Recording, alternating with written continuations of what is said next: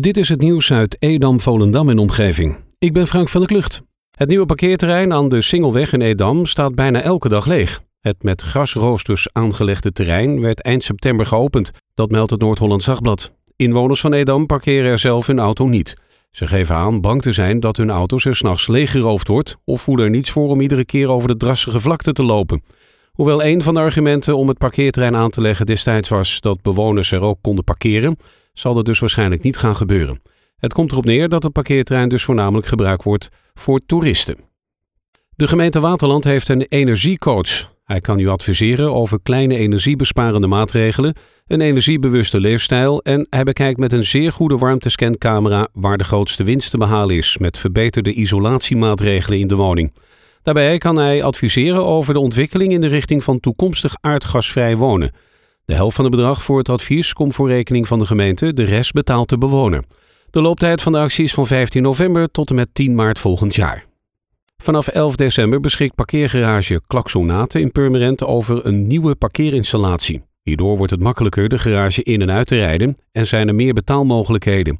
Ook wordt het aantal vrije parkeerplekken in de garage aangegeven op de digitale borden van het parkeerroutine informatiesysteem in de binnenstad. De gemeente Purmerend wil de bestaande parkeercapaciteit optimaal inzetten. Daarom nemen ze maatregelen die het gebruik van parkeergarageklaksonaten bevorderen. De werkeloosheid in Zaanstreek-Waterland is de afgelopen maand met 3,5% opgelopen. Dat meldt het NAD. Landelijk bleef het aantal WW-uitkeringen gelijk, maar in heel Noord-Holland nam het met 2,8% toe. Zaanstreek-Waterland zit daar dus boven. Volgens de UWV is dat het gevolg van het aflopen van seizoenswerk, de hernieuwde sluiting van de horeca en baanverlies in de sector personenvervoer. In totaal krijgen 5.612 mensen nu een uitkering tegen 4.304 vorig jaar. Waterland doet mee aan de actie Orange the World. Dat is een internationale campagne van de Verenigde Naties. Stop geweld tegen vrouwen en meisjes. In de periode van 25 november tot en met 10 december wordt de kerktoren van de Grote Kerk in Monnikendam zoveel mogelijk oranje verlicht. De overgrote meerderheid van vrouwen die met geweld of intimidatie te maken krijgen, doet hiervan geen aangifte of melding.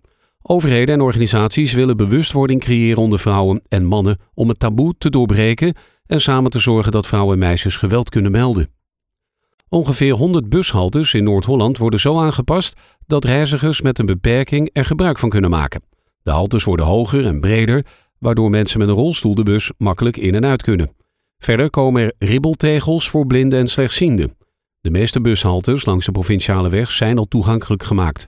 Om ervoor te zorgen dat ook bushaltes langs de lokale wegen worden aangepakt, stelt de provincie voor komend jaar 2 miljoen euro beschikbaar.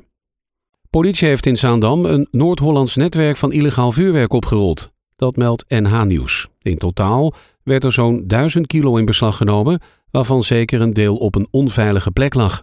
De politie heeft drie Noord-Hollanders aangehouden. Het vuurwerk lag op verschillende plekken in de provincie opgeslagen. Het gaat om onder andere cobra's en shells, die opgeslagen lagen in een woning, in een kelderbox en een tuinhuisje. Bij het opruimen van het vuurwerk in de kelderbox van flat Brandaris in Zaandam kwam de EOD eraan te pas.